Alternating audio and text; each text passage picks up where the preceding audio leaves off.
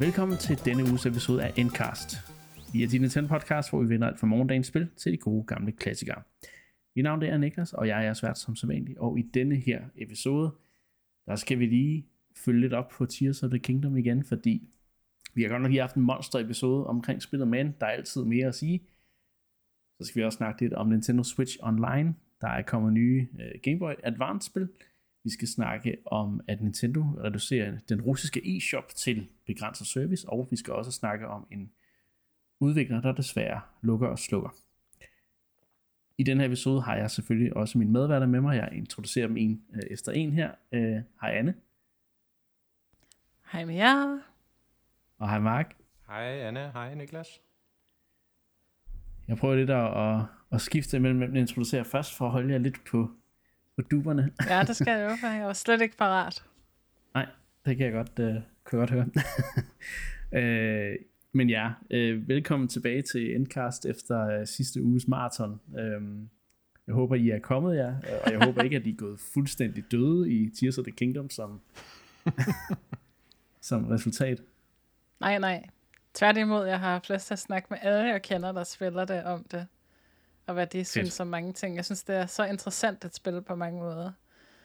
Uh, så det, Helt. ja.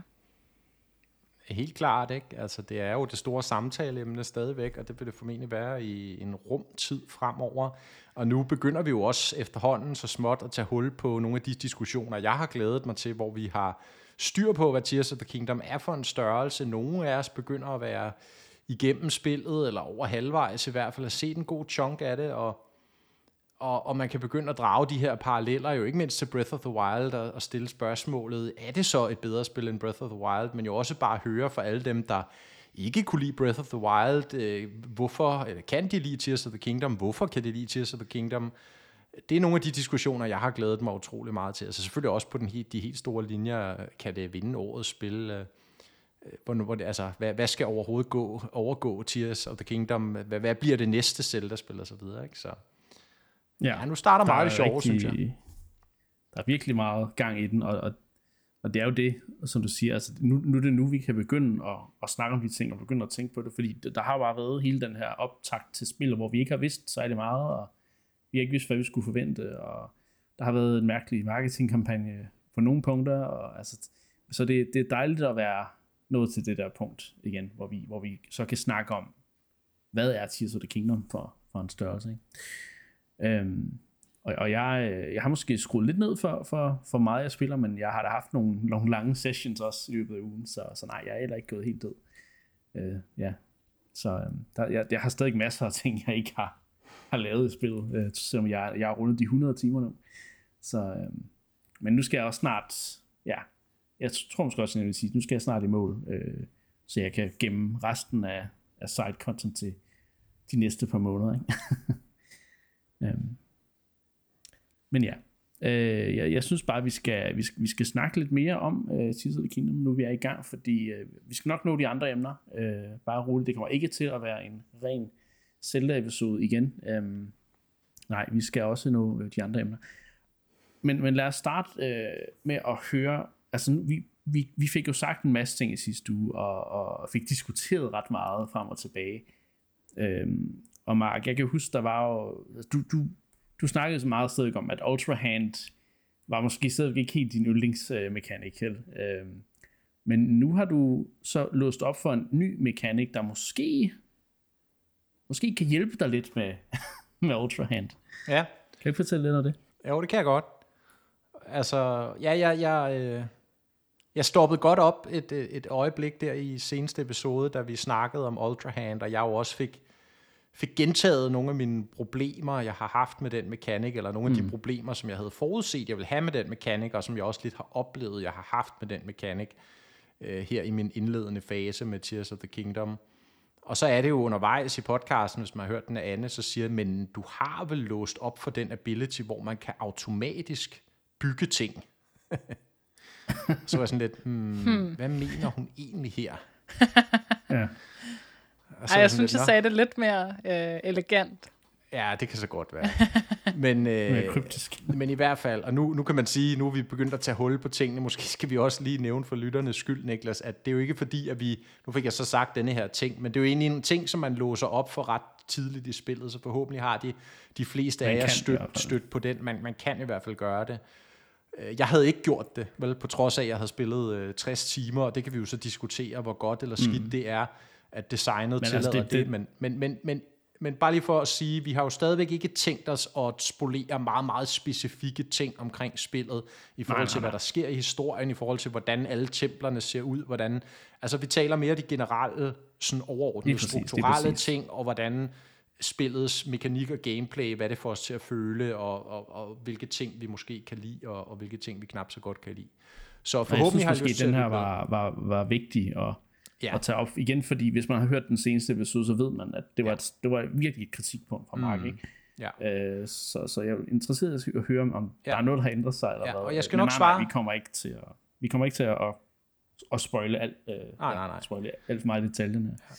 Og, og jeg skal nok svare dig lige om lidt, men det var egentlig også bare for at sige til de lyttere, måske der sprang seneste episode over, fordi de tænkte, stor Zelda-episode, der er sikkert masser af spoilere, men så bare lige servicemeddelelse, havde vi jo faktisk optaget øh, podcasten således, at man skulle kunne lytte til den, altså antageligt, at man har spillet lidt hen over de to uger, der er gået siden spillet er udkommet, og man er nået sådan et lille stykke ind i spillet. Ikke? Altså specifikt snakkede vi jo og generelt om spillets struktur, de grundlæggende mechanics, som bliver afsløret lige til starten. Og så er det ja. den specifikke del jo egentlig kun op til det, det, som de fleste antageligvis har som det første tempel i Hebra-regionen op hos ritorerne. Så ja. igen, lyt til den, hvis ikke I har fået gjort det. I skal ikke være så bange for, at der er store spoilers. Jeg kan selvfølgelig også godt forstå, hvis man bare vil helt blindt vente med til, at man, man selv har fået oplevelsen. Nå, nu skal jeg svare dig på spørgsmålet, Niklas. Men tak for den servicemeddelelse. Det, ja, bare lige for god ordens skyld. Ikke? Men nu fik ja. jeg jo nævnt det før, og så beklager jeg, hvis det var en stor spoiler for nogen. Men, men jeg synes godt, vi kan nævne det, fordi det er en ting, som man, man låser op for ret tidligt i spillet. Der er i hvert fald muligheden for det, som, de, som, som I siger. Jeg havde ikke gjort det på trods af, at jeg havde spillet 60 timer. Det mener jeg er en stor designfejl, spillet har. Øh, selvom igen, det er det her åbne spil, der skal øh, fordre, at man gør tingene i mere eller mindre vilkårlig rækkefølge, men det er klart, sådan kan hele spillet ikke fungere, og det er også derfor, man har den her Great Sky Island tutorial, hvor du faktisk åbner op for alle evnerne til at starte med. Jeg forstår faktisk ikke, hvorfor de har gemt denne her evne væk som en ekstra ting, i stedet for at introducere den som en del af den indledende tutorial. Netop fordi denne her evne, den er så interessant, og nu får jeg sagt før, at det handler ligesom om, at du kan automatisk bygge de her sonar contraptions, som spillet jo i høj grad er bygget op omkring. Det er ligesom en funktion, der for hver ting, du bygger, så gemmer den simpelthen sådan en historik over, hvad du har bygget, så du lynhurtigt kan springe ind i en menu og løbe den liste af de senest byggede ting igennem, og så ligesom genbygge de ting.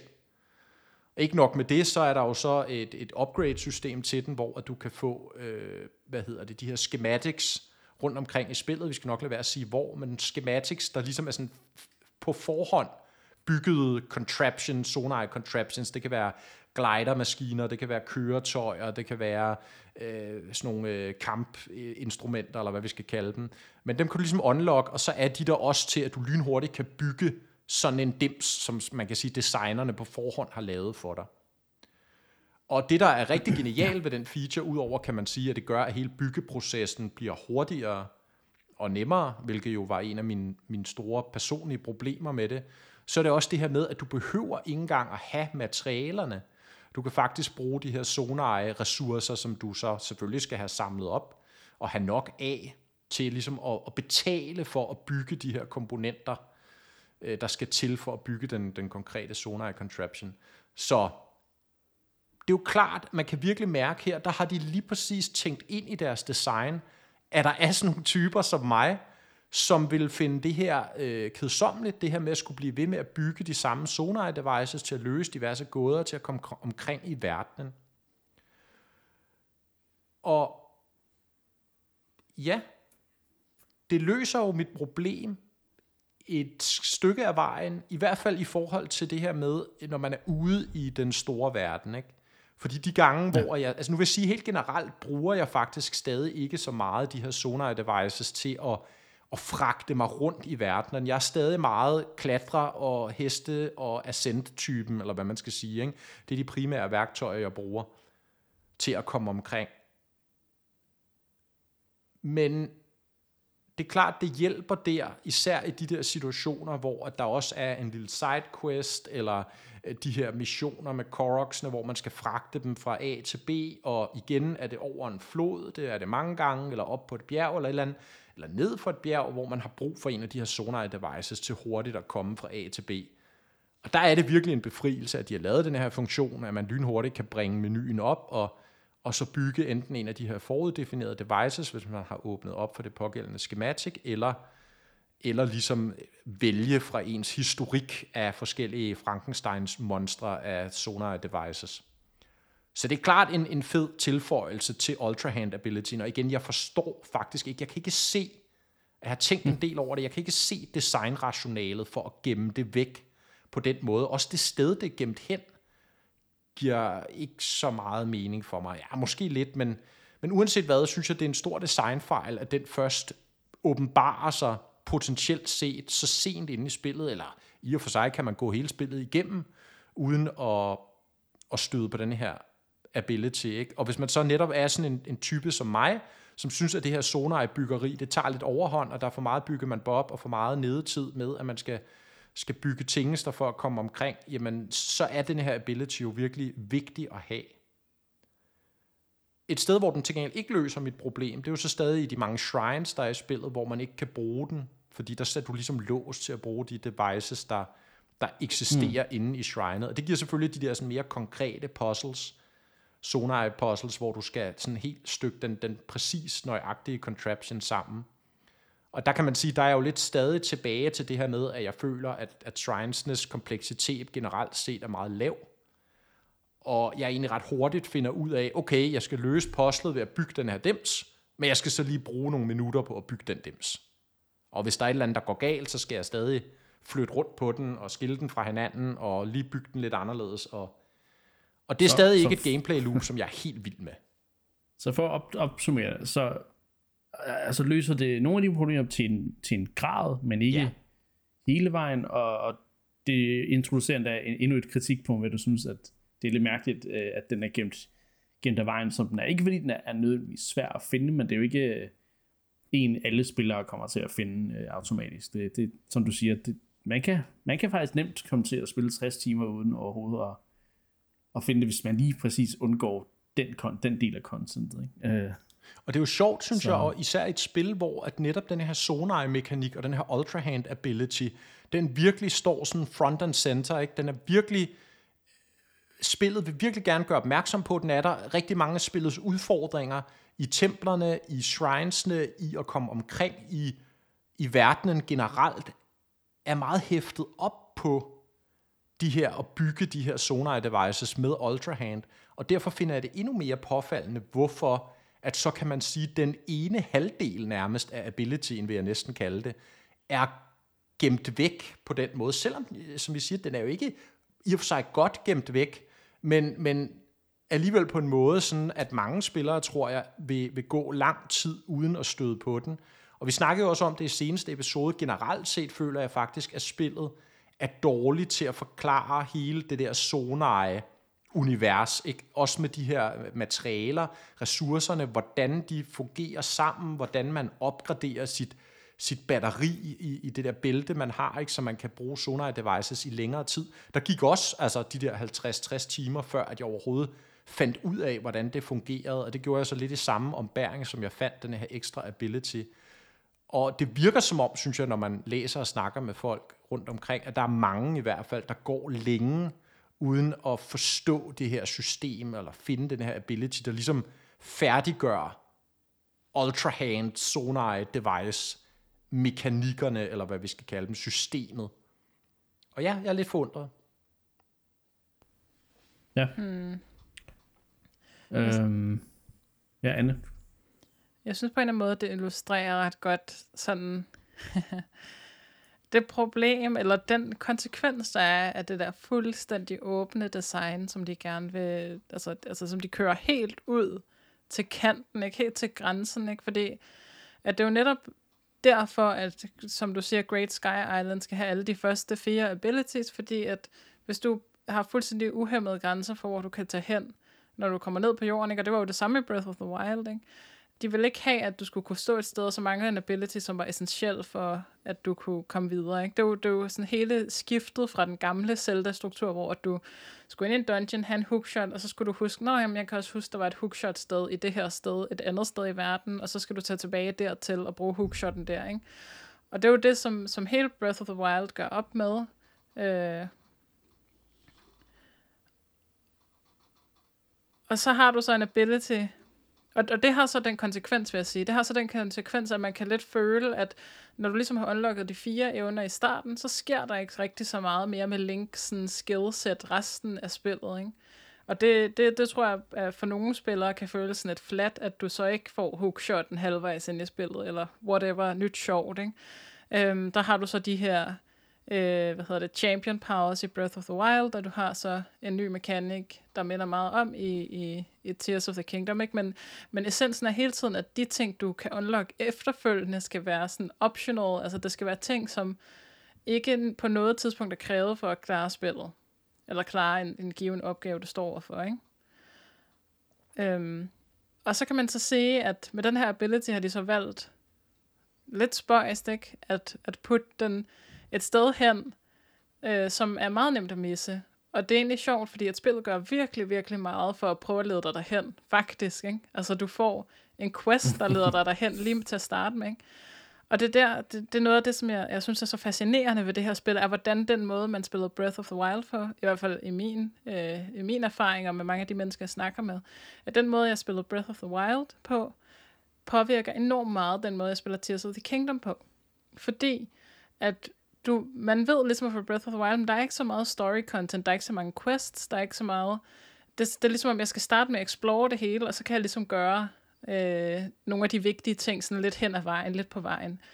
Så når du i starten spiller, prøver virkelig meget at få dig til at, at, at, at tage ned i undergrunden, for eksempel, lige til at starte med. Ikke? Altså du får quests med, sådan, skal du ikke lige ned og se, at der er en, en kæmpe stor kasse, nærmest lige ude foran lookout landing, ikke?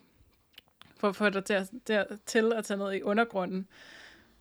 Og det er lidt ligesom en question, der fortsætter den der sådan undergrunds question. Og, øhm, og jeg tror bare, mange spillere tænker, det er en main quest, det er sådan en, en, en quest-ting, den, den er vigtig, og derfor så gemmer jeg den lidt. Præcis. Det var præcis og, det, jeg tænkte. Også fordi, præcis. at det man så bliver præsenteret for jo, er faktisk, at, at og det er jo det der, hvor man kan sige, at ja, spillet gør opmærksom på, at du skal gøre det her tidligt, men leveldesignet og det, du så støder på undervejs, synes jeg ikke rigtig indbyder til, at man skal gøre det med det samme, øh, hvis man gør det lige i starten af spillet, fordi der er det stadig, man har ikke særlig mm. mange hjerter, man har ikke så mange ressourcer mm. endnu og så mm. videre. Der mm. virker det alligevel som en ret uoverskuelig opgave at skulle forfølge den her questline. Og det, og det var det. derfor, jeg selv og det. Mm. Ja, og det, og det er så det, spillet gør fejl, kan man sige. Ja. Det, det skulle ja, have været nemmere. Skulle... Men, men, jeg, men jeg synes ultimativt stadig bare, at pointen, po, min pointe fra før lidt består, altså det der med, hvorfor har de ikke denne her del med allerede på Great Sky Island? Fordi det er ligesom de, de sidste, måske ikke 50% af Ultra Hand, men alligevel, i hvert fald lad os sige 25-30% af Ultra Hand, synes jeg, den der autobyg-funktion, netop fordi de har jo tydeligvis i deres playtest og så videre, kunne se, at der sad andre tosser som mig, ikke? Og så ah, det er lidt kedeligt at bygge de der øh, tømmerflåder med vindblæser bagpå for, for tiende gang, ikke? Til at løse den samme type puzzle. Kan det ikke bare gå lidt tjept? Kan vi ikke bare lave en men, funktion, hvor det hurtigt bliver overstået? Men, og så men hvis gemmer de, de den væk. Hvis de introducerer det med det samme, tror du så ikke, der er nogen, der ikke, der ikke lærer at bygge tingene sådan fra bunden, eller hvad man skal sige? Fordi de bare så tænker, at jeg kan bare hele tiden gå rundt og og, og få, få spillet til at gøre det for mig. Jeg skal ikke jo, selv jo. lære, hvordan de forskellige jo, dele det... sidder sammen. Så hvis du smækker det op, mm. nær, nærmest ja, ja. fra starten af spillet af, så, så tror jeg, du, du... Altså jo, jeg er enig i, at så skulle du nærmest introducere det i Lookout Landing. Altså, at, at du, du bliver nærmest fundet ind i, at det er en del af ligesom det første, du, du laver nærmest. Ikke? Mm, og det synes jeg er en rigtig måske, god pointe. Men, men, men til at starte med op på The Great Sky, der synes jeg måske, det er for tidligt at blive få smækket det i hovedet. Not, I øvrigt også, fordi at du får så mange ting. Du får fire helt nye mechanics med i hovedet med det samme. Du skal lære dem hver en. Øh, og Ultra Hand er jo nok igen, som jeg snakker, den, den sværeste at lære. Ikke? Øh, og så har de i øvrigt for meget med, at du også skal lære det her med sonar devices, men hvis du går forkert i din udforskning af Great Sky, så, så misser du hele den del. Og, og så, så, så allerede der har du ligesom, altså, altså det, det, det, det der med kompleksitetsniveau, jeg, jeg, jeg kunne være bekymret for, at vil være for højt i starten af spillet, hvis du, du smækker alle de her mechanics ind på én gang. Øh, men jeg er enig i, øh, sådan, det, det meste af vejen, at, at den er for nem at, at, at misse, fordi den, den bliver, som du siger, altså det bliver en, en, en hjørnesten i Ultrahand, øh, og kunne bruge Ultrahand effektivt og hurtigt, når du er ude omkring, fordi der kommer et tidspunkt, og det var det også for mig, hvor jeg blev sådan lidt, okay, nu har jeg bygget de her ting, som jeg ved fungerer rigtig godt til bestemte situationer. Det har jeg bygget 20-30 gange nu, og det er sådan lidt, nu kunne jeg egentlig godt tænke mig, at det spillet bare gå det for mig, og det, det kunne jeg så bruge den mekanik til. Ikke? Men samtidig var jeg også, kan jeg huske, og det er nok bare mig, men jeg ved ikke, jeg ved, ved ikke om det kun er, men da jeg fik den autobil til at starte, var jeg sådan nærmest skuffet over det, sådan lidt, ej, ej, skal spillet nu gøre det hele for mig? Hvad, hvad, hvad, hvad med min egen øh, hvad det, mm. interaktion? Ikke? Og så, så jo, jo længere jeg kom ind, sådan lidt, okay, vi har begyndt at sådan favorite nogle designs, og, øh, som jeg selv har lavet, og måske også øh, bare bruger nogle af de der schematics, øh, som man kan finde. Ikke? Men ja, ja, ja jeg, ved, jeg ved ikke, jeg tror, men jeg tror, igen for at vende tilbage til starten, jeg tror, øh, grunden til, at de ikke har introduceret den på Great Sky, og, det, og hvor jeg også synes, at det vil være, altså, jeg synes, det er en god ting, det er, at jeg, jeg tror, kompleksitetsniveauet vil stige mm. endnu mere i, i tutorial-delen, end, i, for, ja. i forhold til, hvor det allerede er. Ikke? Fordi det ligger allerede ret højt, mm. øh, kompleksmæssigt. Ja, ja, jeg hører, hvad I siger, altså, og jeg kan også godt forstå bekymringen, men så undrer det mig så alligevel, at man så placerer den lige efter du kommer ud af Sky Islands i og for sig, som noget af det første, den egentlig gerne vil, vil ligesom nudge dig i retning af, uden at ligesom gøre det stringent, fordi du ikke længere er begrænset af at være på Sky Island. Nu har du hele Hyrule og undergrunden og øh, himlen og udforske, mm. ikke? Så hvorfor ja. er det, de så lige trækker den ud af det lineære segment i spillet, og så lader den være i den, i den fuldstændig åbne verden, lige til at starte med, ikke? Det, det, det virker sådan lidt konfliktet. Og så vil jeg sige, at det andet er, for mig igen, og jeg er med på, at det er en præference-ting, det er en spillertype, men mental ting.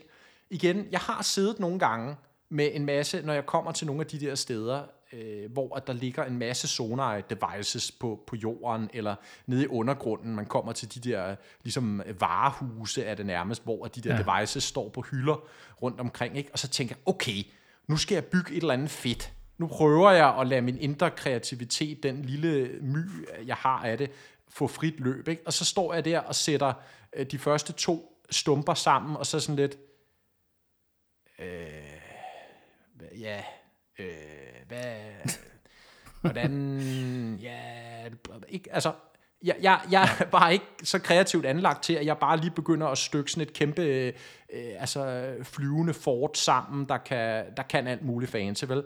Og det er jo der, hvor også den her autobyg-funktion, og især det her med, at man får de der schematics, eller rettere skulle jeg sige, du kan finde de der schematics, de bliver lige pludselig en, en vigtig del af belønningsstrukturen i spillet, som sådan en som mig virkelig gerne vil have, fordi når jeg har de der schematics, så kan jeg jo ligesom se, nå, kan man bygge det der? Okay, ja, ja. kan man bygge ja. det der? Okay, kan man bygge det der? Og så nogle gange så tager jeg jo nogle af de der schematics, så, eller typisk tager jeg en af de der schematics, så bygger jeg ligesom den først, og så kan det være bagefter, at jeg tænker, nå, men jeg kan da godt lige sætte den her flammekaster på, eller denne her øh, et eller andet ekstra ja, okay. turbine bagpå. Ikke? Og så har jeg jo så alligevel brugt lidt kreativitet til at udvikle på den ligesom skabelon, som spillet har stillet til rådighed. Så der vil jeg jo faktisk sige, at den gør det modsatte af det, du frygter, Niklas. Den stimulerer faktisk mit kreative gen, fordi jeg åbenbart ja, ja. er for kreativt fattig til at starte fra en blank skabelon, ikke? Men lige så snart jeg har lidt at gå efter, så hjælper det mig. Det er jeg enig med dig altså, Og det, det, der, der fungerer det rigtig godt. Jeg har også haft samme, altså sådan en eureka-moment nærmest, ikke? Hvor sådan, nå, wow, okay, det havde jeg slet ikke tænkt over. Tak udviklere for at vise mig, hvad jeg kan, ikke? Øh, men men min, min, altså, kompleksiteten i forhold til, det mest i forhold til at lære Ultra Hand. Ikke så meget i forhold til at, at, at lære at være kreativ. Det er mere det der med, hvordan tingene sådan mekanisk sættes sammen, og med snapping og ikke snapping, og og ting og sager, hvor jeg vil være bekymret for, hvis man får det her tool nærmest fra start af, så, så er der nogen, der bare skipper det, og, og så står de 50 timer inde og kan ikke finde ud af en trine puzzle, fordi de ikke ved, hvordan du limer ting ordentligt sammen. For, altså igen, det er måske også sat lidt på spidsen, ikke? Jo, jo, jeg forstår men, godt bekymringen. Men, ja. Det er derfor, jeg, jeg, jeg er ikke sikker på, at jeg vil have designet det altså, jeg, jeg ved ikke helt, hvordan jeg selv ville have designet det, men jeg, jeg tror godt, jeg ved, hvor, altså, det, det er for at prøve at forstå, hvorfor Nintendo har valgt at designe, at det ikke er noget, du skal have, have fra starten af. Ikke? Øh, og, og jeg tror også, jeg tror, jeg tror, Anne, du var inde på det her med, at det er også meget fedt at få noget, en ny ability sådan undervejs. Mm. Det er måske, altså, jeg, jeg kan ikke finde, det er også lidt derfor, de gerne vil, vil gøre det. Og så ligesom taget den ud og sagt, om den, er, den kan man godt undvære, så den bruger vi som sådan en, åh, prøv at se en fed reward, du får senere. Ikke? Altså, jeg, jeg ved ikke helt, fordi... Ja, jeg, jeg tror, det handler ja. meget om det, du siger med læring. Jeg synes, det er en rigtig, rigtig god pointe. Altså, hele... Altså, det kan godt være, at Great Sky Island er den officielle tutorial, men hele sådan Central Hyrule er den uofficielle tutorial. Og langt, langt, ja. langt ind i spillet finder jeg shrines, der stadigvæk fungerer som tutorials til et eller andet random, og, og nye måder at vise, hvordan Ultra Hand, og lige pludselig er der en shrine med en badebold, og sådan, altså 50 timer inden, ikke? Altså, der, der er hele tiden nye ting, der skal sådan læres oven på det, som man allerede har lært omkring den ability, for at vise dig mulighederne med den. Ikke? Lidt ligesom, at, som, som for Mark, så den her auto-build-funktion, de her schematics kan, øh, hvad hedder det, fremprovokere din kreativitet, ikke? så kan de her shrines, der viser nye måder at bruge de samme ting på, også det som fremprovokerer noget kreativitet hos mig. Um, så, mm. så jeg tror egentlig, og det, og det der, det der, jeg vil egentlig gerne tilbage til det, jeg startede med at sige, ikke? at det her fuldstændig åbne design, og lige meget hvor meget de prøver at sætte et skilt op, der er sådan et, tag ned i undergrunden, tag derhen, følg den her questline, og vi alle sammen er bare sådan, fuck ja, yeah, jeg gider ikke gå efter deres quest. Øh, Nej. Så kan du bare ikke have den type progression i et open world spil, et, et så open, open world spil. Nej, nej, og der, der, der kan man jo sige, Anne, det, altså det, der var jo lidt, uden at vi skal gå meget hardcore ned i den diskussion nu, men det er jo lidt der, hvor jeg vil sige, det problem havde Breath of the Wild ikke rigtigt. Altså, det var mere clean på den måde, at den tog bare alle de abilities, der var absolut centrale for hele spillet, og tvang dem, stopfodrede dem ned i halsen på dig til at starte med, og du fik først lov at forlade Great Plateau, når du havde dem alle sammen. Og det er der, hvor jeg sådan lidt undrer mig igen over, at de egentlig har ændret den. Jo, man kan sige, at de gør det samme i, i Tears of the Kingdom. Du behøver ikke autobyg-funktionen for at gennemføre spillet, så i den forstand er det samme, men alligevel vil jeg mene, den er så vigtig en del af Ultra Hand-funktionen. Det er ligesom den anden halvdel, der manglede, ikke? Den anden hjernehalvdel, der manglede til min kreativ fattige hjerne. Det var den funktion. Og, og igen, jeg, jeg, jeg forstår, jeg hører, hvad jeg siger, men jeg forstår stadig ikke rigtigt, rationalet for at, gemme, at, at flytte den ud af Sky Islands. Jo, måske mm. hvis det havde været sådan en super secret ting, men de flytter den ud af Sky Islands, og så gemmer de den lige bagefter stort set. Og prøver også at lede ind i den retning mm. og finde det, men, men så alligevel er der nogle ting i leveldesignet og, og andre ting, der gør, at man så, tror jeg, eller mange spillere virker det til, kommer fra det og vælger ikke at forfølge det. Mm, og, og deraf så spiller de de næste 50-60 timer uden den funktion, og bliver egentlig irriteret og frustreret over en masse ting, som jeg gjorde for eksempel, fordi de ikke har den ability. Men det tror jeg er 100% bevidst. Altså jeg tror, at de, jeg tror, at de bruger sådan en eller anden dynamisk væg i, at du går ned i undergrunden, og så, øh, og så er der en, en hel masse ting dernede, som gør, at du tænker, okay, det er måske lidt senere, jeg skal være hernede jeg er ikke stærk nok til at gøre det her lige nu. I virkeligheden prøver de at guide dig enormt meget igennem spillet i den path, ikke? altså op til, til retorerne først, og så, øh, altså, er det så, åbner det så lidt mere op bagefter, men, men stadigvæk, hvis du går tilbage og snakker med, med, med hvad hedder hun, Pora i Lookout Landing, så fortæller hun dig, hvad for en rækkefølge du skal tage de forskellige upheavals i. Ikke? Så, så spillet vil meget gerne guide dig, hvis du har brug for det hele tiden. Så jeg tror, det er ret bevidst, at der skal gå for nogle 10 timer, for andre 20 timer, og for nogle 50 timer, før man finder den der ability. Jeg tror, det er bevidst. Man kan og, sige... Jeg ved ikke, hvordan de skulle have gjort det meget mere altså, elegant på en eller anden måde, fordi jeg synes, det er fair at gemme den. Jeg synes, det er fair, at du skal have... Det er sådan lidt det er som en reward for, at nu har du bygget nok selv. Nu får du lov til at, at, øh, at, at få noget autobuild her, og nogle schematics og sådan noget. Um, så, men, men det, og jeg tror, det, det stammer af, at du vil gerne have den tidligere, fordi du synes, det er mindre sjovt at bygge. Og jeg synes, det er fint nok at få den lidt senere, fordi at jeg synes, det er sjovt at bygge. Hmm. Jeg kan bare ikke men, se, hvordan man men, Ja. Men, men det er sådan lidt en ting, ikke? Altså, det, jeg synes ikke, det svarer på mit, mit spørgsmål før, men altså, det er sådan en ting, hvor igen, jeg synes, altså, der afviger de fra det, der var utrolig elegant og utrolig clean i Breath of the Wilds model.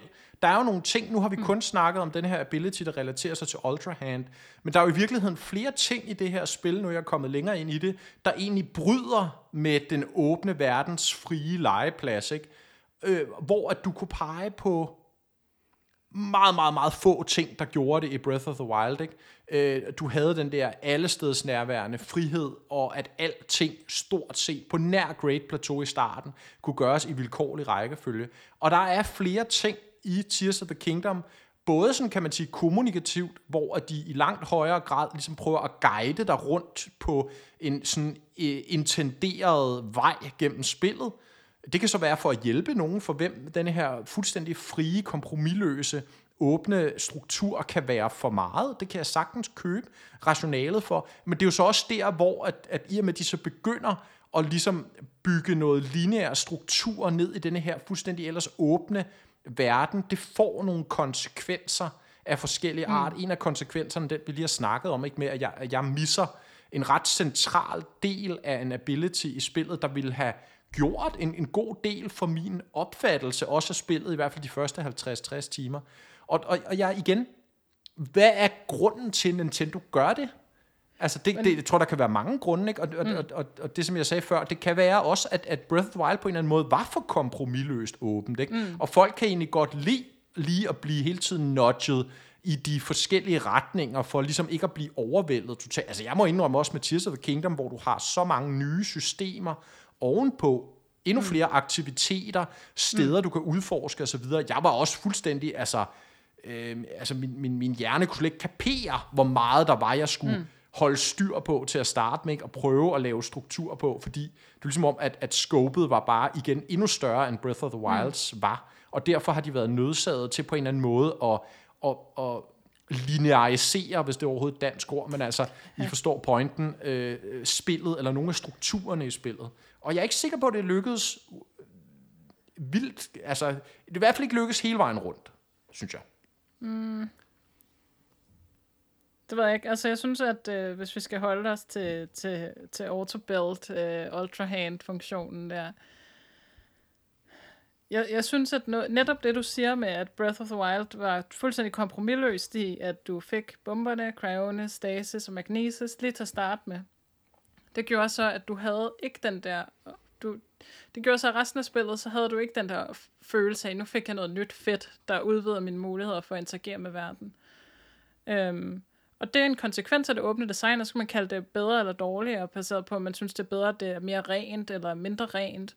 Øhm, men, men det, jeg synes, det her giver, det er, at det, for det første, som Niklas siger, så gør det, at du ikke bliver, altså, fordi der er, du bliver fuldstændig overbombarderet med indtryk, og fuldstændig overvældet af den mængde content, der er i det spil, når du, når, du, når du først lander ned, og du kigger op, og der er tusind skyer, og du kommer ned, og du indser, at undergrunden er rimelig fucking stor. Der har de virkelig haft behov for at guide spilleren, også at give spilleren værktøjer til hurtigt at komme, komme frem og tilbage mellem områder. Ikke? Der er mange forskellige nye måder at komme hurtigt frem og tilbage og skippe store områder af verden. Øhm, men, men noget af det, som jeg rigtig godt kan lide ved, at, at de gater den her øh, ability, er, at du føler, at du får en ny måde at interagere med verden på lidt inden i spillet. Og det er noget, noget af det, som jeg virkelig savner i Breath of the Wild, det er meningsfyldte rewards efter noget tid. Og det kan jeg godt se, det clasher fuldstændig med, altså det er jo en lille ting, altså det er jo ikke fordi, jeg ikke synes, jeg synes jo stadig, det er det bedste spil nogensinde, der er lavet. Men, men jeg kan da godt savne at få hookshoten halvvejs ind i spillet alligevel, selvom jeg godt kan sætte pris på de fire abilities, man får til at starte med. Og det her, det er på en eller anden måde det tætteste, du kan komme på det, fordi du får en ability, der ikke er nødvendig for at lave noget som helst i spillet, men du får en ability, der lige pludselig øh, et stykke ind i spillet giver dig en helt ny ting at samle på, og noget meget meningsfuldt at samle på. Og det, det, jeg synes, det er nok den mindst dårlige måde, de kunne have implementeret det på, givet den åbne natur af spillet, og givet, hvor komplekst det er at lære spillet. Altså, vi sidder overvældet, og vi har spillet Breath of the Wild til døde, ikke? alle sammen. hvad, hvad tænker en person, der tænder sit første Zelda-spil op og ser den her gigantiske verden med de her meget, meget komplekse og ret anderledes fysiksystemer, gåder og alt muligt shit. Altså, der, kan, der må det være så meget vigtigere at blive guidet. Bare, bare holde en lille bit smule i hånden, hvis man har brug for det. Og os, der godt ved, hvordan man spiller Breath of the Wild, vi behøver ikke tage tilbage til Lookout Landing hele tiden og få at vide, hvad vi skal. Fordi at vi kan godt, vi kender strukturen, så vi ved godt, at vi bare kan tage til Gerudo som det første, hvis vi har lyst til det, og vi er gode nok til det, ikke? Så, ja, yeah, I don't know, det er sådan, det kan noget andet, og jeg synes ikke, det er nødvendigvis er dårligere, bare fordi det er mindre rent. Det, det er måske det, sådan, jeg, jeg, jeg gerne vil nå frem til. Jeg synes, der er gode årsager til, at de har gated den her ability et stykke hen i spillet, øh, som Niklas var inde på. Og jeg synes, det er måske den mindst kluntede implementering, men du har bare den konsekvens af at have fuldstændig åbent design, det er, at der er nogle mennesker, der kan misse noget, og så bruge lang tid, hvor de ikke indser noget, men til sidst så finder man det jo. Og så Ja, og så sad jeg med følelsen af, så sad jeg med følelsen af, egentlig bare en, en slukøret følelse af, at det her burde spillet jo have fortalt mig til at starte med. Jeg får jo netop ikke den der belønnende følelse, som du snakker om, Anne, som jeg sagtens kan sætte mig ind i, men som jeg mener, hvis de burde have dyr, hvis de rent faktisk havde dyrket den noget mere i det her spil, så havde de jo designet en serie af abilities, du fik løbende undervejs. Man kan sige, det er der jo lidt kvæg templerne, det var der også i Breath of the Wild, når du klarede et tempel, så fik du ligesom en champion ability, du kunne bruge. Det er jo ligesom erstatningen for hookshotten, så det system var der allerede. Jeg synes ikke, at det, at man tager den her ene ability, det er jo en ability, vi taler om, ikke?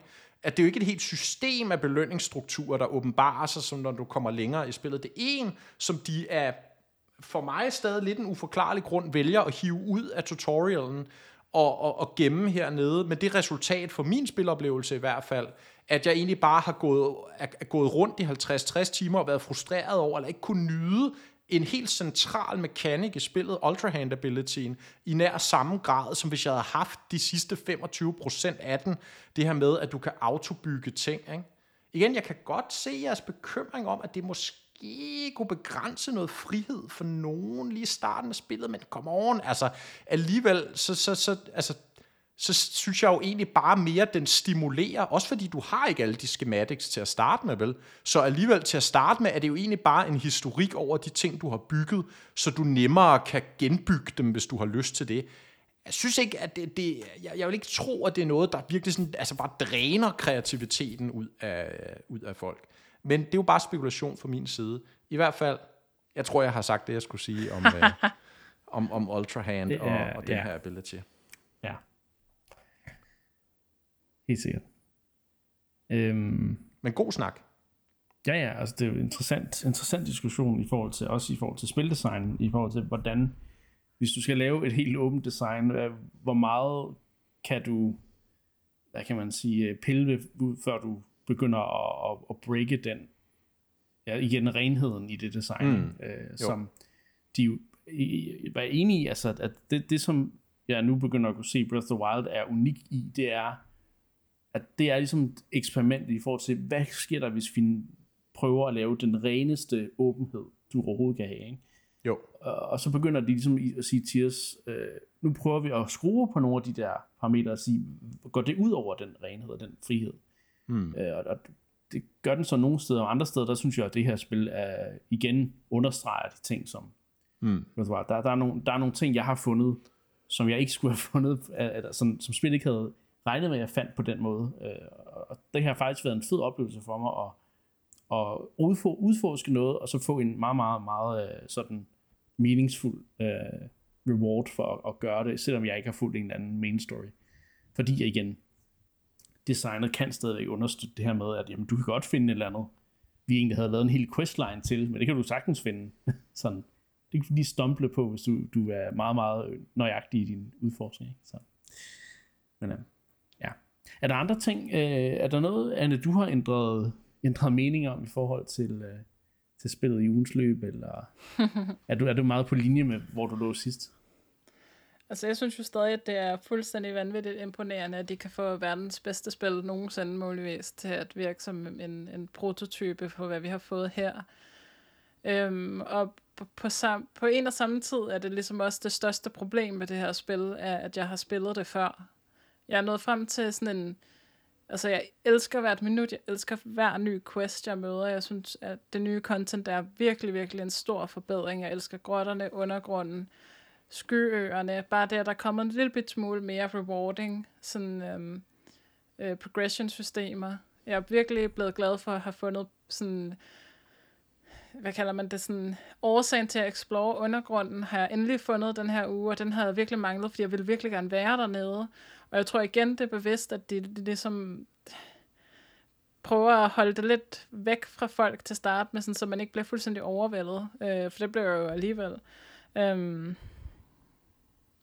Men ja, det, det store problem med det her spil er sådan lidt for mig, at, at, at jeg har spillet det før, det er ligesom et remix af Breath of the Wild.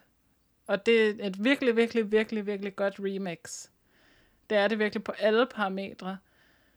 Men jeg kender det spil. Jeg kender strukturen, jeg kender fysikken, jeg kender, øh, hvad sker, altså sådan, jeg forestiller mig, at jeg ved, hvad der sker, når jeg har samlet fire upheavals sammen, eller løst dem, og tager ind til midten og spiller, øh, altså jeg kan regne ud, hvad for nogle øh, progression-systemer, der er. Jeg, jeg ved, hvad kan jeg forvente ved at gå ind i den dybeste skov og kravle op på det højeste bjerg. Det er sådan, alle de ting har jeg oplevet en gang.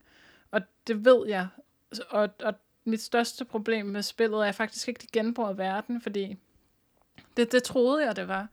Fordi at, at og mit største problem, det er stadig et meget lille problem, skal lige siges. At når vi sådan, nu sidder vi fuldstændig gennem tæsker det her spil, men, men det er jo meget små problemer, vi, vi sidder og snakker om.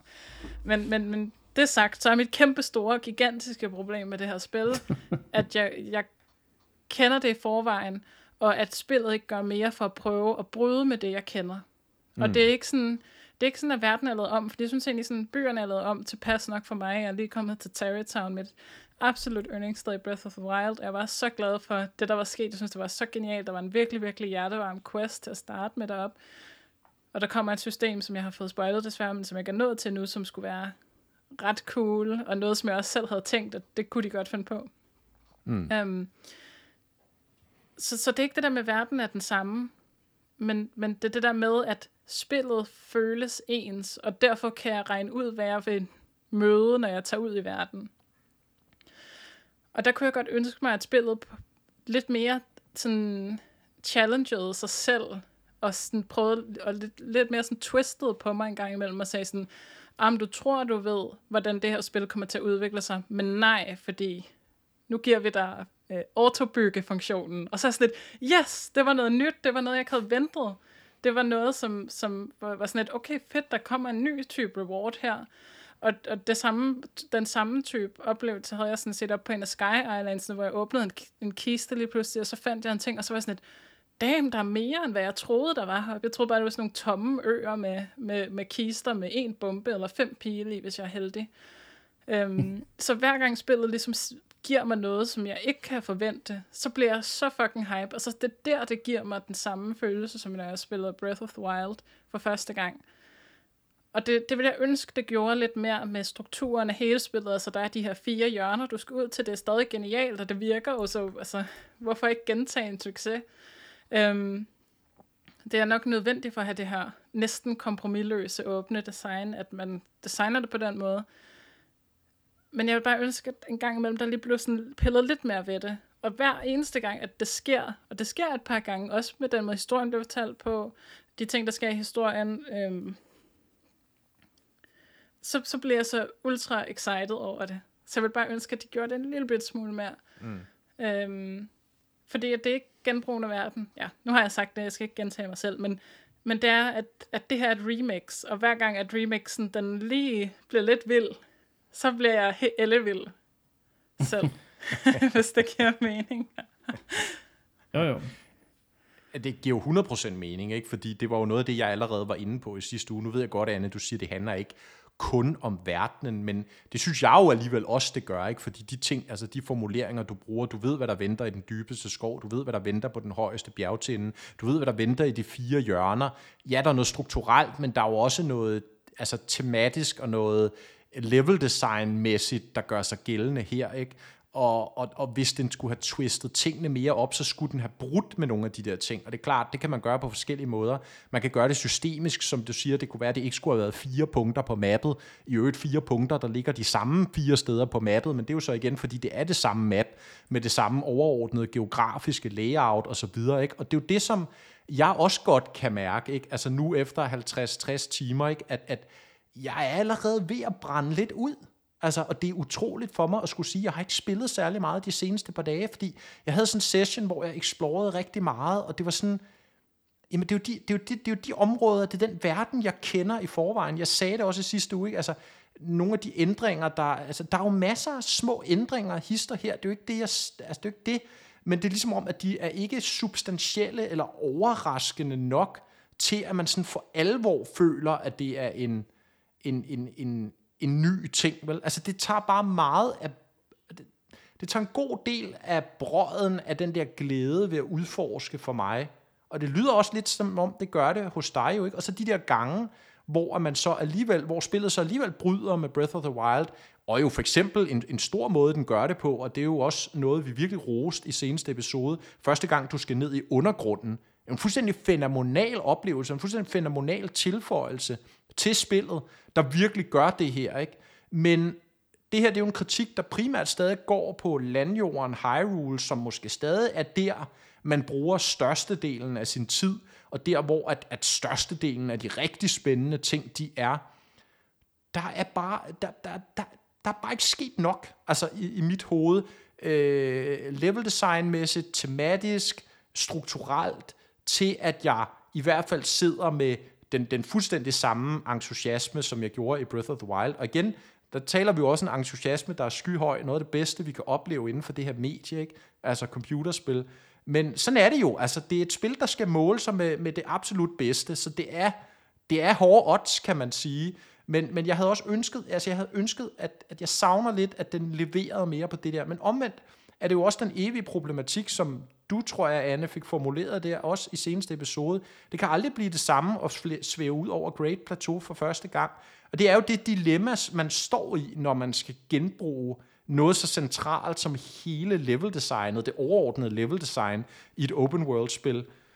Og jeg synes ikke, de kommer helt i mål med det, vel? Men, men omvendt kan man sige, hvis du så er ny spiller, ikke? Så kan vi så diskutere, hvor mange er der, der er helt nye spillere, der går direkte på Tears of the Kingdom og ikke starter med Breath of the Wild, men der er jo alligevel nok nogen.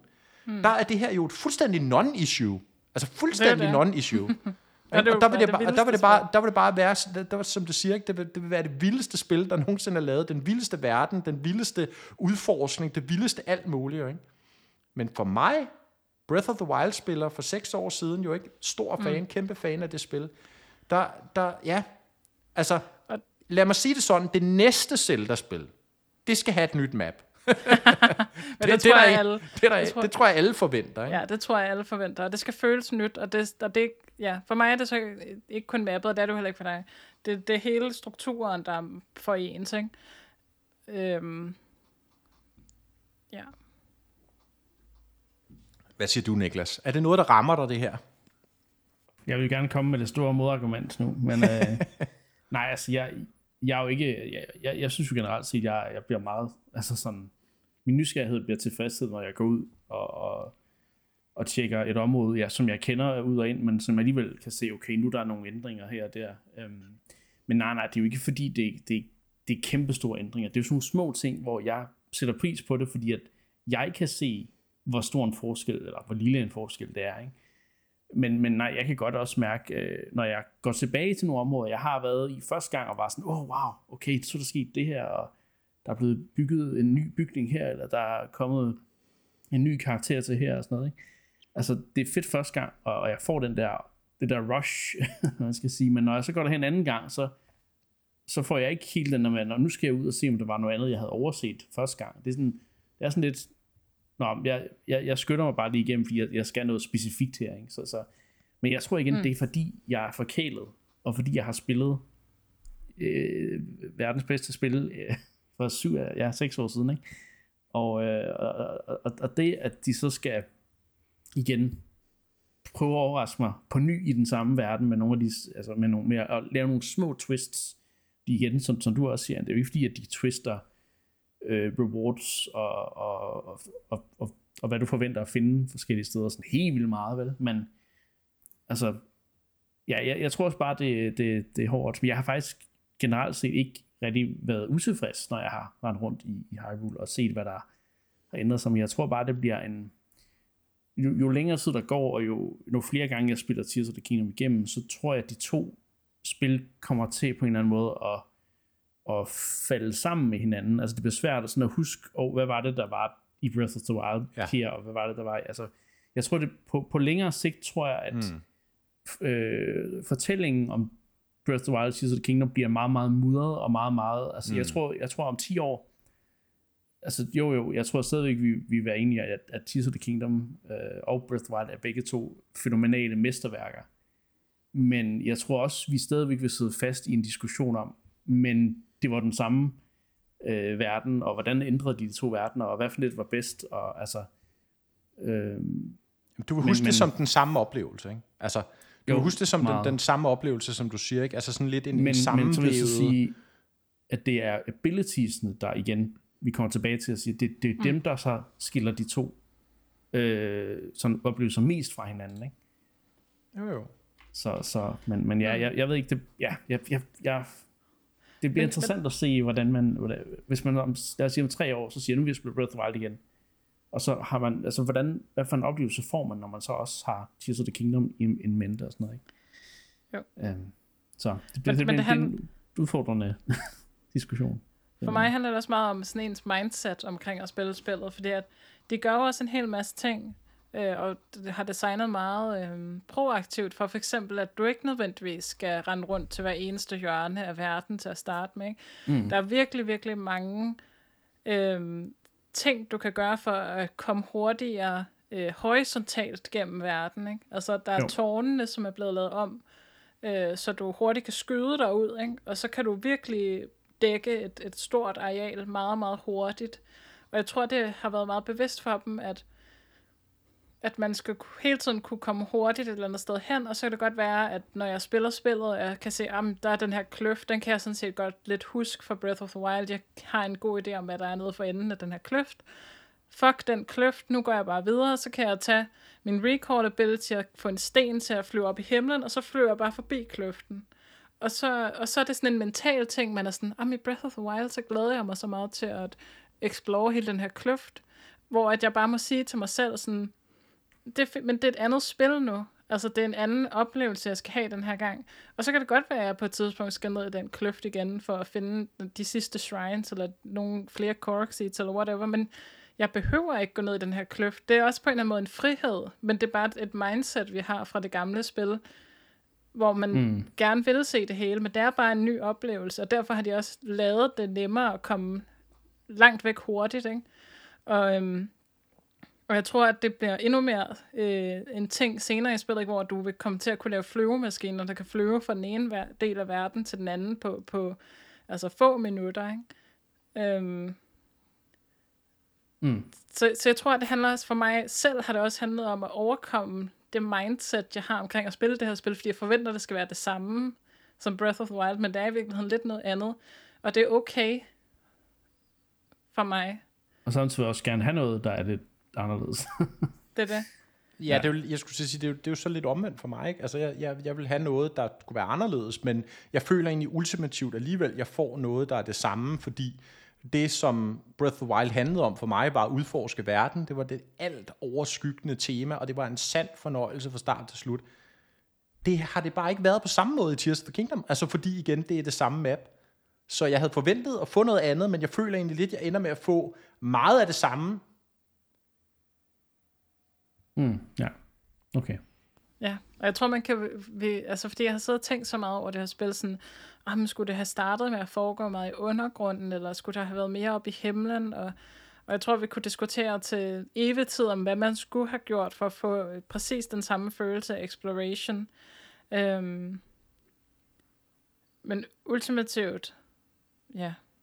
Så, altså, jeg ved, så at, ja. Altså, jeg ved det godt. Altså, jeg var også lidt inde på det i seneste episode, ikke?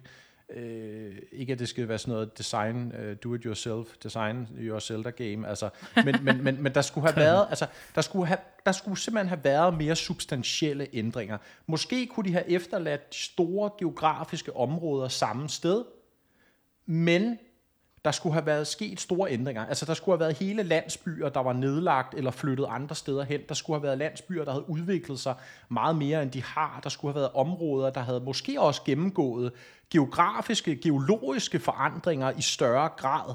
Ikke?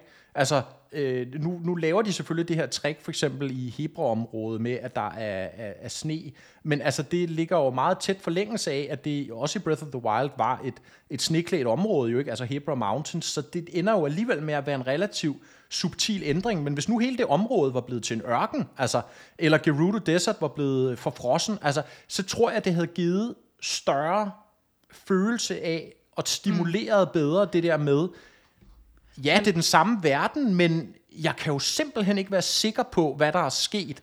Altså, men, men, øh, men, det, men det er der, hvor jeg, sorry, jeg afbryder, men det er der, hvor jeg tror, at min tidligere pointe bliver relevant, fordi at for mig er det ikke, det kan godt være, at hvis, hvis du havde fået frosset Gerudo over, eller hvis der var kommet et kæmpe øh, krater et eller andet sted, eller hvis der var kommet whatever, et eller andet, et eller andet helt crazy, en sky, whatever, I don't know, øh, lige meget hvad, så vil du stadig vide, okay, men det kan godt være, at der er sne over det hele nu, det her sted, men hvis jeg går ind i grotten, så finder jeg stadig en bubble frog. Hvis jeg går hen til den her monstercamp, så er der stadigvæk fem pile i kisten for enden af den. Og det er sådan det, det er det, der er det samme for mig ved spillet. Det er ikke så meget, om det, det er enig med dig Det, det, det, er også, det er også et mm. problem. Ikke? Det strukturelle af, af, selv mm. på main questen, altså main questens generelle struktur, som vi allerede har diskuteret, ikke, mm. er den samme som i Breath of the Wild. Og det, det bliver for meget på en eller anden måde, i forhold til at give spillet det der sådan eget, sin egen identitet, hvor det virkelig rykker sig fri fra Breath of the Wild. Jeg synes mm. ikke, at abilitiesne, de nye abilities, hvor gode de end er, og hvor meget ny typer gameplay de fordrer, så ændrer det ikke nok ved altså følelsen af at spille spillet, synes jeg. Og ja, det, det bliver nok, nok sidste Godt, kommentar Niklas. på, Godt. på Tears of the Kingdom i den her omgang, fordi vi skal altså videre. Ej, øh, ja, ja, okay, jeg skal skrive noget ned, så jeg kan se det næste uge. altså, okay, jeg vil give dig en hvis, ting, Anne. Ja. Må jeg give Anne en ting på falderæbet, Niklas? Det er meget hurtigt. Hvis, jeg bruger, re, jeg bruger recall mere nu. Tak. var, det, var det det, du fiskede? Eller? Nej, det var det ikke. Det var det jeg bruger recall men... mere nu, men jeg mener stadig, den er lidt uh, underused, især i puzzle-sammenhæng. Helt kort, Anne, din, din, din pointe. Ja, men jeg tror, vi gemmer den til et tidspunkt, hvor vi også skal snakke mere om templer, fordi det har okay. noget at gøre med det. Okay, godt så. Ja, jeg har også meget på hjerte så, med templer, så skriv, men... Så skriv det ned. Ja. Øhm, ja, og der har jeg jo et tempel, jeg har meget det ved jeg i hvert fald. Men ja, øhm, ja, folk skal også lige have chance for at gemme, gemme, gennemleve templerne, inden vi klapper det skal de, det skal de 100%. Og, øhm, men vi skal nok vende tilbage og snakke om alle de andre ting. Men, men en interessant diskussion her med, med tingene. Og, og igen, altså, jeg har ikke så meget at sige, fordi at jeg ved ikke helt, hvor jeg står på mange ting. Fordi jeg er generelt stadigvæk altså, en lille smule tryllebundet. Jeg skal lige ryste af mig, før jeg kan snakke rigtig kritisk ja, altså jeg er jo også tryllebundet af det her spil. Skal det lige siges.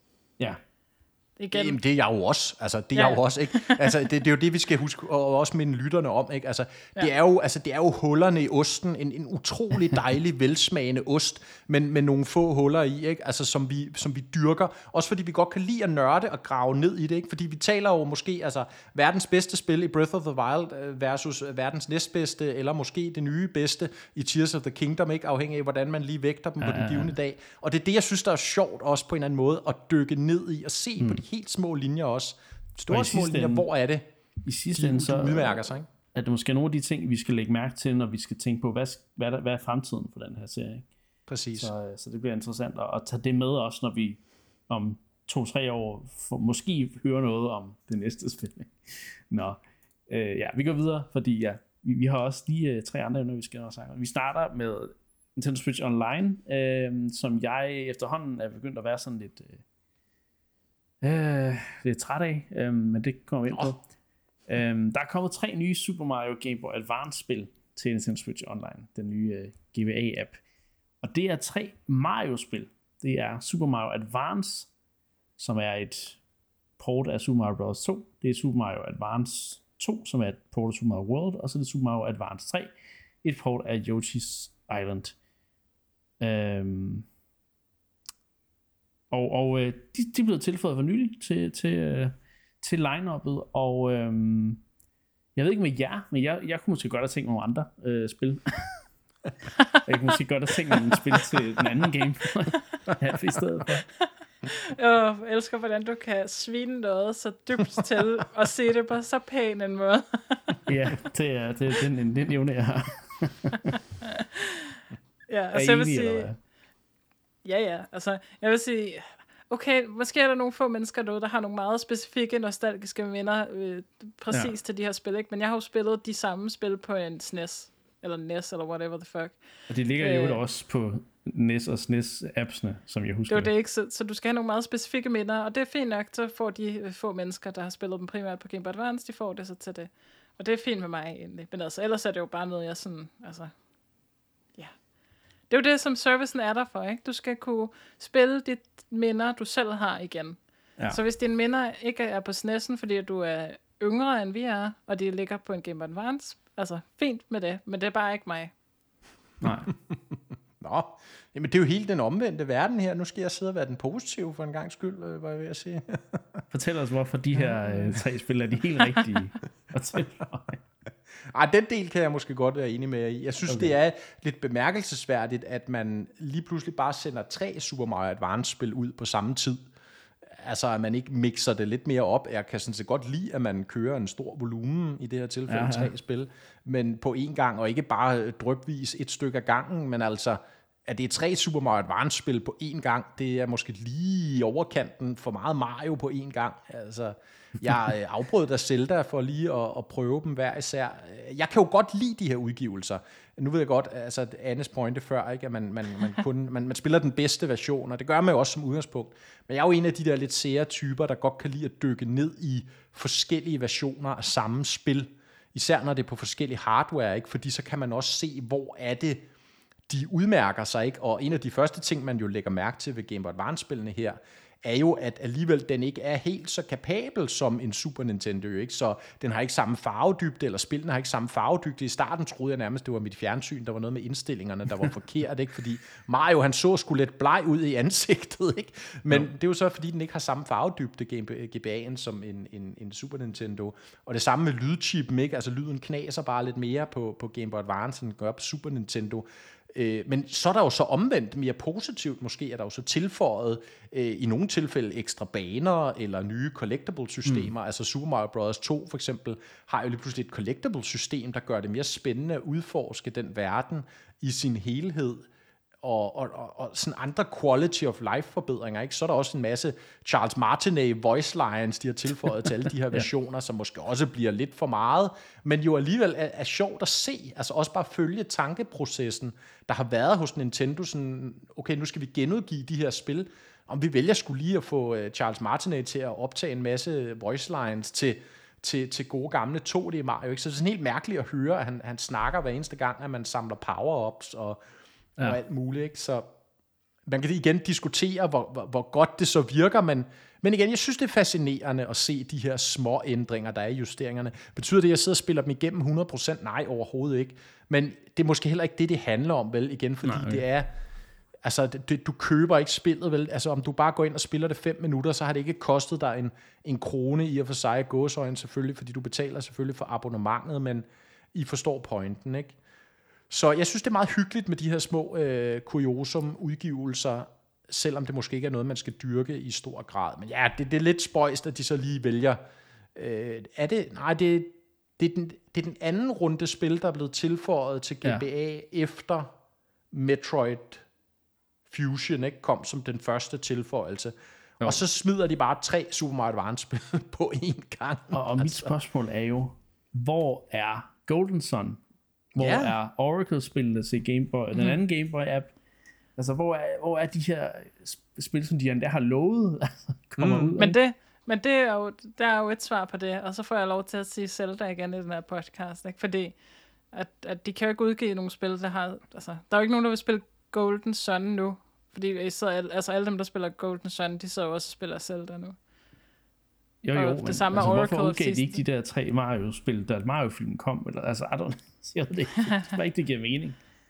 Altså, Men jeg det er godt se lidt- det der med, at, at, at du har et overlap i audience med Golden Sun, og også med Zelda Oracle-spillene, ikke? Uh, altså, Og det tror jeg er Øhm. det. Og så samtidig sidder der nogle Mario-fans, fordi der er jo alligevel, altså, der er selvfølgelig et vanddiagram med Mario og Zelda-fans, men det er jo ikke fuldstændig øh, en cirkel, vel? Så der er jo nogen, der sidder og tænker, åh, det er lidt sløvt Mario-år, ikke? Hvornår kommer mit Donkey Kong og de næste platformer og sådan noget, ikke? Som ikke spiller Zelda, og de får så en lille bit gave her, mens alle sidder og spiller Zelda, ikke? Det, det tror jeg. gave. Jeg tror, det er det. Ja, ja, ja. ja det, det, jeg tror også, du har ret i. Uh, altså, der er alligevel noget mening bag Nintendos måde at udgive ting på, men, men det er ikke altid, jeg lige kan, helt kan forstå det. Ja. Ikke, Det eneste, jeg efterhånden er sikker på med NSO, det er, at jeg ikke er sikker på noget.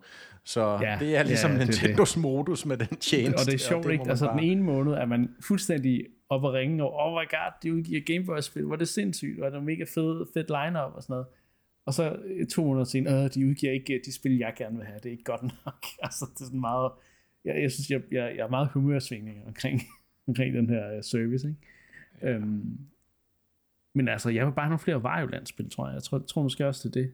Flere Varioland, øh, måske nogle Zelda-spil, som er svære at få fat i, og ja, måske også bare nogle, nogle af de der, og så dem, som vi altid også lidt efterspørger, øh, nogle af de der tredjeparts ting, som, som der heller ikke er så nemt at skaffe, men som er sådan nogle perler, man, man, man altså for eksempel sådan noget som Terranigma og, og, og Soul, altså uh, Illusion of Time og Soulblade og sådan altså mega fede Enix-spil, mener, mener jeg Enix, øhm, fra, fra SNES-æren, men som man ikke har set skyggen af i 20 år, altså ja, ja Ja, men det er jo måske ikke Nintendos skyld, vel? nej, det tror jeg da ikke. Det, så det, godt det er jo noget med, at de andre, de, øh, de sidder på, eller fornemmer, de sidder Altså- på en skatkiste, og de får ikke nok ud af det. Og jeg synes, Square det er Enix den, sidder og venter til, at de kan genudgive de her spil det, i et nyt HD, 2D. Ja, det er lidt det, ikke? Altså, og det, det synes jeg er den kedelige trend med, med de her virtual Ja. console tjenester. Lad os stadig kalde dem det, fordi virtual console var jo den første, og jo måske også stadig til dato den bedste af de her tjenester. Ja. Ja. I hvert fald hvis du kigger på, hvor bredt et udvalg der var. Altså det er jo helt vanvittigt efterhånden at tænke på, hvor mange platforme og hvor mange spil, netop også af de her mere obskure tredjeparts udgivelser, der udkom tilbage i Wii-dagene på Virtual Console. Og der må man bare sige, igen også når man kigger på de spil, der så er, allerede er tilføjet til øh, de seneste, øh, hvad hedder det, NSO-platforme, altså Nintendo 64, Game Boy Advance, Game Boy, det er primært Nintendos eget katalog, der dyrkes. Det virker som om opbakningen er relativt svag for tredjeparter, og ja. det er jo en kæmpe skam, fordi selvom Nintendos spil er fantastiske, og mange gange måske også de bedste spil på de respektive platforme, så er der utrolig mange gems og hidden gems alligevel for tredjeparterne, som vil passe så godt ind på de her mm. tjenester, og det er bare som om, det ikke rigtig kan lade sig gøre mere. Der er ikke interessen fra, ja, så må vi gisne om det er formentlig samarbejdspartnerne, ikke? Nintendo er jo som udgangspunkt kun interesseret i at have så bredt et udvalg der som muligt, ikke? Jo. Så ja, det er lidt en skam, men øh, Ja. Ja, ja. Men øh, vi, vi må se, om ikke der snart øh, kommer øh, nogle af de ting, vi, vi har gået og ventet på. Altså, øh, Golden Sun til sommer vil være... Det vil, det vil virkelig være godt. Som minimum. Måske var land øh, to, ikke? Eller et eller andet, I don't know, et eller andet. Nå, vi er jo, øh, altså, vi, vi er jo sådan set ret forkælet her øh, i, i vores del af verden, og, og der er rigtig mange ting, der hele tiden kommer ud, og, øh, og, og der er jo flere spil, der, der udkommer, end vi overhovedet har, har tid til at, at hente ned og købe og, så, og, og spille. Men der er et sted, øh, hvor det nu bliver meget, meget altså, indskrænket med, med, med nye øh, ting, man kan få fat i, fordi at øh, Nintendo har sådan valgt, Nintendo Europe har valgt at reducere øh, funktionaliteten på den russiske e-shop til det, de kalder for begrænset service, hvor du mere eller mindre kun kan hente tingene, du har købt, øh, og som er udkommet til videre, men der kommer ikke til at, at de, du kan ikke købe nye ting, du kommer ikke rigtig til at blive udgivet nye ting på deres e-shop øh, i den region nu, har Nintendo of Europe valgt at, at gøre, så man kan sige, det er jo, øh, det er jo godt nok ærgerligt øh, for, for, for russiske Nintendo-fans. Øhm, men der er selvfølgelig også grunden til det, øh, Mark. Du, du, har, du har pulsen på den her historie. det ved jeg ikke, om jeg har, men jeg synes, den var interessant, eller måske lidt tør og kedelig, men det er vi jo også gerne øh, en gang imellem måske her i programmet. Ja. Øh, men, men, men det, jeg egentlig blev mest mærke i, det var ligesom argumentationen for, hvorfor Nintendo foretager den her ændring. Altså, vi skal jo lige have baggrunden på plads, eller vi behøver ikke helt fra, øh, fra begyndelsen. Det er selvfølgelig på grund af, af Ruslands aggressioner mod Ukraine, at, at Nintendo gør øh, nogle af de her ting. Og øh, de gjorde det jo faktisk allerede for et år siden, tror jeg, hvor de egentlig ja. øh, lukkede ned for, at man kunne købe ting over e-shop. Man kunne i hvert fald ikke øh, altså bruge betalingsmidler på e-shop, og så er det jo vanskeligt at købe ting, kan man sige. Det man sige. Og så har det sidenhen, som jeg forstår det, faktisk været øh, heller ikke muligt at, at downloade spil, man allerede havde købt. Og det er så egentlig noget, de ligesom genåbner nu, okay, ja. at man kan. Sådan så, at man kan sige, hvis man allerede havde købt en masse spil, så har man ligesom stadig adgang til det. Der er måske også noget juridisk der, der skal, der mm. skal overholdes trods alt. Men stadigvæk er det jo ligesom et klart signal om, at det er en region, hvor man ikke ønsker at, at gøre forretning. Det, der jo så i virkeligheden fangede mest mit, mine øjne ved, ved den her historie, det var ikke så meget det faktum. Nej. Det var ligesom Nintendos argumentation for, hvorfor de gør det her, altså den pressemeddelelse, de sender ud. Og der synes jeg jo lige, vi kan læse op og citere her. As a result of the economic outlook Nintendo of Europe has decided to wind down operations of its Russian subsidiary. Så de siger jo egentlig, at på grund af de ligesom økonomiske prognoser, har Nintendo of Europe valgt ligesom at lukke ned, eller sætte, sætte deres russiske foretagender på vågeblus, eller hvad vi skal kalde det. Ikke? Og det er jo sådan lidt, altså, man kunne godt have sagt det mere direkte, i hvert fald i forhold til, at på grund af Ruslands aggressioner mod et, øh, et venligt sindet nabo, bla bla bla, ikke? Altså, så, øh, så, så ønsker vi ikke at gøre forretning i, i den her region. Så de holder sig på en eller anden måde sådan neutrale alligevel, ikke? Ved, eller i hvert fald prøver sådan at skyde, skyde forklaringen et andet sted hen, end hvor den måske egentlig reelt ligger. Det kan man jo så selvfølgelig diskutere eller spekulere i, hvor, hvor ja. meget handler det reelt set om økonomi, og hvor meget handler det om, om goodwill, eller altså moralske, etiske overvejelser. Vi snakkede jo også lidt om det sidste år faktisk i forbindelse med det her, og ikke mindst jo i forbindelse med Advance Wars. Ja. Grunden til, at de valgte at udskyde det spil. Hvor meget er det ligesom Nintendos øh, forsøg på at pleje deres image, eller måske i højere grad beskytte deres image for potentielle angreb om at, at, at støtte op, eller i hvert fald ikke tage afstand fra øh, Ruslands aggressioner, og i hvor høj grad er det ligesom også bare, at de mærker efter for, hvad der økonomisk giver mening. Ja, jeg har jo ikke svaret, men det er jo ligesom et åbent spørgsmål, man kan stille sig selv. Og jeg synes, de er interessante, de her ting, fordi noget af det, som vi jo også går op i her i programmet, det er jo også ligesom Nintendo som firma, ikke? Hvad er det for nogle værdier, de står for? Hvordan er det, de agerer i det globale marked og så videre, og nogle gange synes jeg jo, vi også, altså, og retmæssigt kritiserer dem for, ja. for nogle af de ting, og nogle af de måder, de agerer på, i forhold til sådan en mere progressiv verdens, øh, kan man sige, tilgang. Og andre gange gør de en masse gode ting, ikke? Så, så ja, så jeg synes, den var sjov Det er sådan en meget Nintendo, Nintendo-esk måde at handle, altså sådan, at de helst ikke sådan... Blande politik ind ja, i det. De, de, de vil ikke hvis man, tage hvis man kan kalde det politik på den måde. Der. Ja, og, og igen, ikke? og så er man jo ude i det der med, man kan man kalde det politik og tage afstand fra en, en krigsaggression på den måde, altså med ja. dokumenteret krigsforbrydelser og alt muligt andet, ikke? Altså det, puha. Men altså det er jo der, hvor at øh, kapitalisme og økonomi og så videre helt generelt, der, der er noget der, der, der kan blive vanskeligt, ikke? Og ja. så er det jo op til den enkelte at vurdere, hvad man, hvad man synes om det. Men jeg synes i hvert fald, de er spændende lige at få med de her historier og, og ligesom at kigge på, hvad er det også for et firma Nintendo er på sådan de overordnede moralske, etiske linjer. det er det. Så det var bare det. Ja, jamen, ja. Øh, har du noget til at sige til det, Anne? Nej, jeg synes Mark, han, øh, han brækkede det ja. godt ned, som man siger. Som man siger på godt dansk, ja. ja. Enig. I det mindste Enig. brækkede jeg det ikke op. Nej. Det, det kan være andre, andre ting, man gør nogle gange. Ikke? Nå.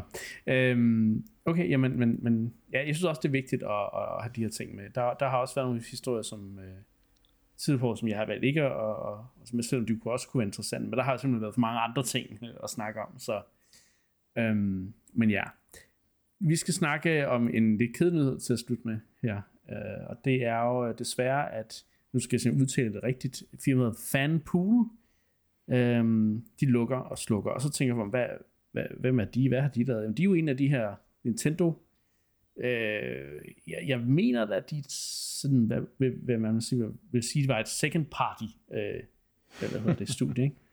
Og ja, det er den, der har lavet hvis man her... opererer med det begreb. De er ja. jo ikke ejet af Nintendo, så Nej. de er uafhængige. Det er det. Men de har Eller generelt set lavet ting øh, for Nintendo. Ikke? Det er dem, der har lavet Dylan øh, Rolling Western-spillene, og har, så har de også lavet nogle Kirby spin-offs. Men de, øh, de er simpelthen, de, de kan simpelthen ikke få det til at, øh, jeg ved ikke helt, hvad grunden til det er faktisk, men, men de har altså valgt at, eller de, de lukker og slukker desværre. Øhm. Og Mark, det ved jeg jo, du, øh, og jeg også Anne, men jeg ved, I, I er jo ret glade især for de der Dylan-spil, ikke? Øh.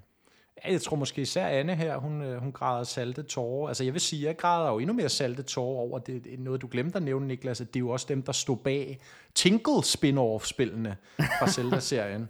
Så ja, det her okay, meget, meget, meget obskure, freshly picked Tinkles Rosy, uh, Rosy Rupee Land, og så den japanske fortsættelse, øh, som jeg ikke kan udtale, som kun udkom i Japan. Øh, begge spil på DS. Meget, meget, meget obskure og specielle spil. Jeg elsker det ene, jeg har spillet, der blev lokaliseret. Jeg vil rigtig gerne have den japanske fortsættelse, men den mangler jeg endnu i min samling. Men ja, Dylan-spillene, og så har de jo de seneste par år arbejdet som sådan lidt et, et HAL Laboratory samarbejdsstudie på Kirby-spillene, så Forgotten Land, og jo senest her i februar måned med ja. Kirby's Return to Dreamland Deluxe, som nu får jeg jo helt dårlig samvittighed, jeg var lidt hård over for i, i programmet her, så ja. øh, forhåbentlig var der ikke for mange, der hørte det, og lå værd med at købe Kirby's Return to Dreamland, øh, men øh, nej, det er jo altid trist at se udviklere lukke ned, fordi at det ikke hænger sammen længere, og ja, en, en stærk samarbejdspartner alligevel, synes jeg, ja. godt man kan sige, der, øh, der, der så ryger ud. Og øh, det, det leder til, at øh, altså de, de, øh, de har ud, ligesom udgivet øh, en, en presmeddelelse, hvor de siger, at øh, det er så på japansk, men det bliver oversat.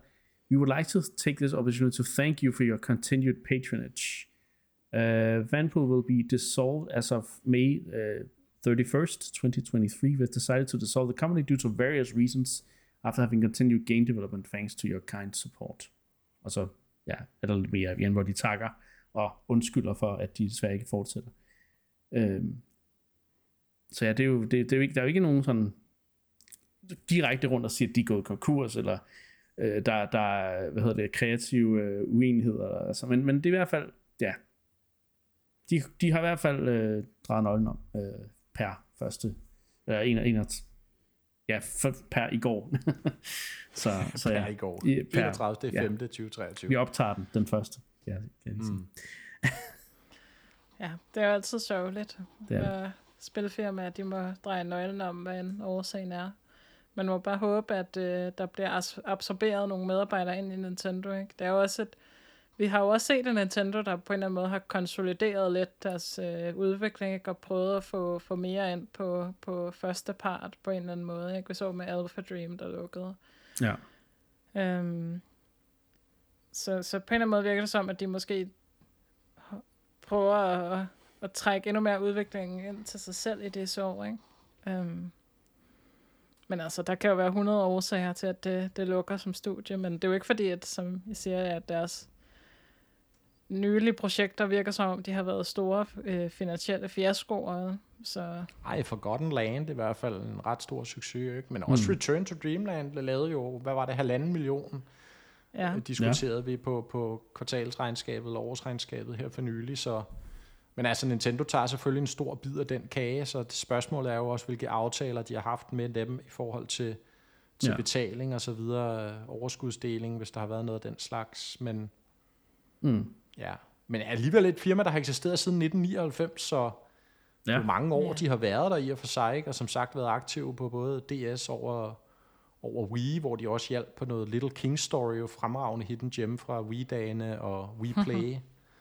så havde de så en finger med i spillet på Paper Mario Sticker Star, det er jo så lidt mere kontroversielt. Det samme med Chibi Robo Ziplash, Anne, som oh, jo er lidt den udskældte. Nej, præcis. Så, men så havde de jo, så havde de jo selvfølgelig altså deres sidste sådan fuldstændig egenproducerede spil, som jo var en banger at spille, Anne. Jeg ved, det er en af dine favoritter, Dylan's Rolling Western.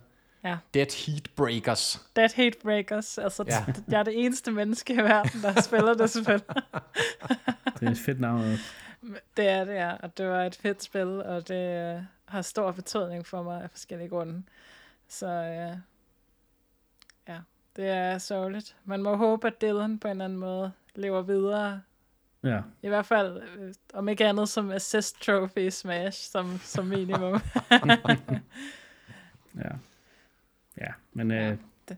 Og det er jo det der, og noget af det, der er virkelig ærgerligt ved de her ting, ikke, det er jo, at, at DS-æraen, ikke, og, og dengang der var håndholdte maskiner på en anden måde, og det har vi også snakket om før, men det tillod bare de her mindre skøre projekter, ikke? som Dylan's Rolling Western og efterfølgende følgende var en del af hele, altså de der små spil, som var billige at producere, fordi de var, altså, der, der, der, der er sgu ikke noget fancy grafik, og de behøver ikke at være lige så lange og sådan noget. Ikke? Altså, det er bare forsvundet lidt, det, det, den type spil, ikke? For Switchen på en eller anden måde. Og det er sådan, det, det er kun sådan lidt indie-spil, der har overtaget, men, men jeg mangler virkelig de der quirky DS-æra-spil.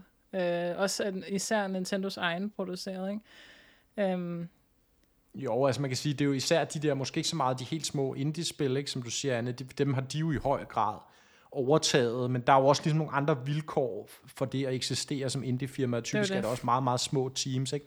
Mm. Altså Bandpool, nu er, jeg ikke, nu er jeg ikke styr på, hvor mange medarbejdere de har, men, men formentlig har de været sådan medium-sized udviklere, ikke? der måske mm. har haft, hvad ved jeg, 40-50 mand øh, ansat, og, og de kunne ligesom producere nogle af de her mellemstørrelsespil også, der ikke sådan var helt indie små øh, passionerede projekter, men alligevel sådan, du ved, altså dagligdags levebrødsarbejde i og for sig, øh, men selvfølgelig stadig lave nogle sjove, interessante spil, der ikke har budgetterne som de helt store spilfirmaer, men som alligevel kan, kan levere noget, der måske er lidt mere avanceret end de helt små spilfirmaer. Så den der mellemting, som et spil, øh, som et firma som Bandpool og Alpha Dream i og for sig også, ligesom har været udtryk for, er jo en, et, et generelt segment i spilbranchen i dag, over hele kloden i virkeligheden, der har det svært, ikke?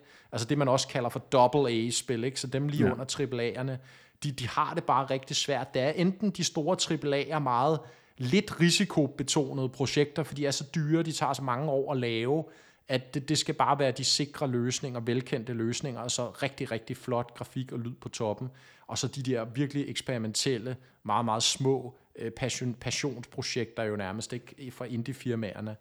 Så øh, den der mellemting, den er lidt presset, og der er også indie-firmaer, der vokser som mellemstore, som man lidt ser, de knækker halsen på det, netop fordi det er virkelig svært at navigere i det der øh, marked, virker, virker det til i hvert fald. Ja.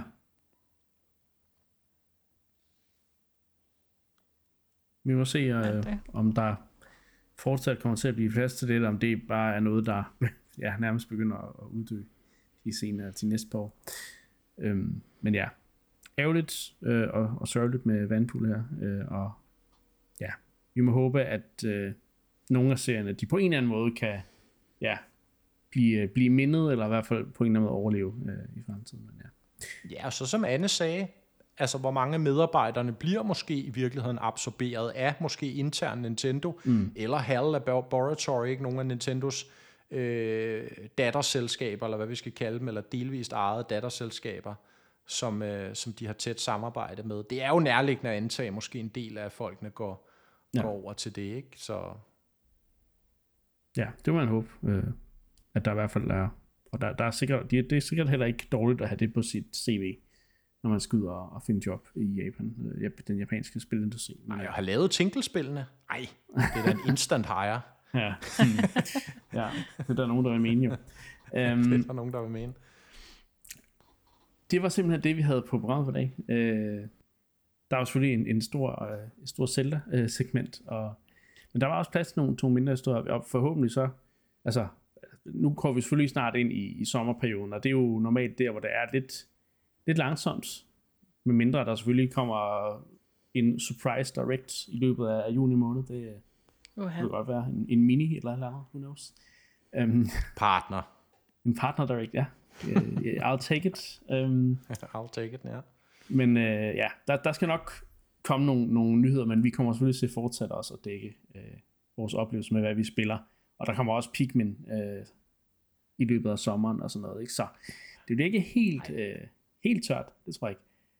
Nej, um, om ikke andet, så har vi jo igen i dag demonstreret, at vi kan snakke en time om to Zelda Mechanics, ikke? og det spil har altså flere hundrede mechanics, så bare rolig, bare rolig, vi har content nok til det næste lange stykke tid, og hvis man så ikke er Zelda-fan, så er det bare lidt ærgerligt. Ej, ja. forhåbentlig er de snakke også interessante, selvom I måske sidder derude og ikke er de største Zelda-fans, så håber I kan finde noget fornøjelse også i vores meget nørklede øh, tekniske snakke om, øh, om, om Zelda Mechanics. Jeg synes i hvert fald, det er sjovt at snakke om. Udgiv nu Golden Sun. Kom nu, Nintendo. I kan Sådan kan du have tid til at spille. Jeg sidder bare og håber på, at de venter nu, så jeg kan finde lidt hul i kalenderen. Ja, der kommer jo også snart et nyt, øh, der kommer et remake af, et gammelt Harvest Moon-spil jo, øh, snart. Og, ej, du ja, det er deadline. Det er deadline for mig. Det, Oh, der skal du være færdig, Mathias. Eller Nej, nej, det er juni nu jo. Hvornår kommer det? Ej, det kan jeg slet ikke overskue. I den her måned er jeg ret sikker på.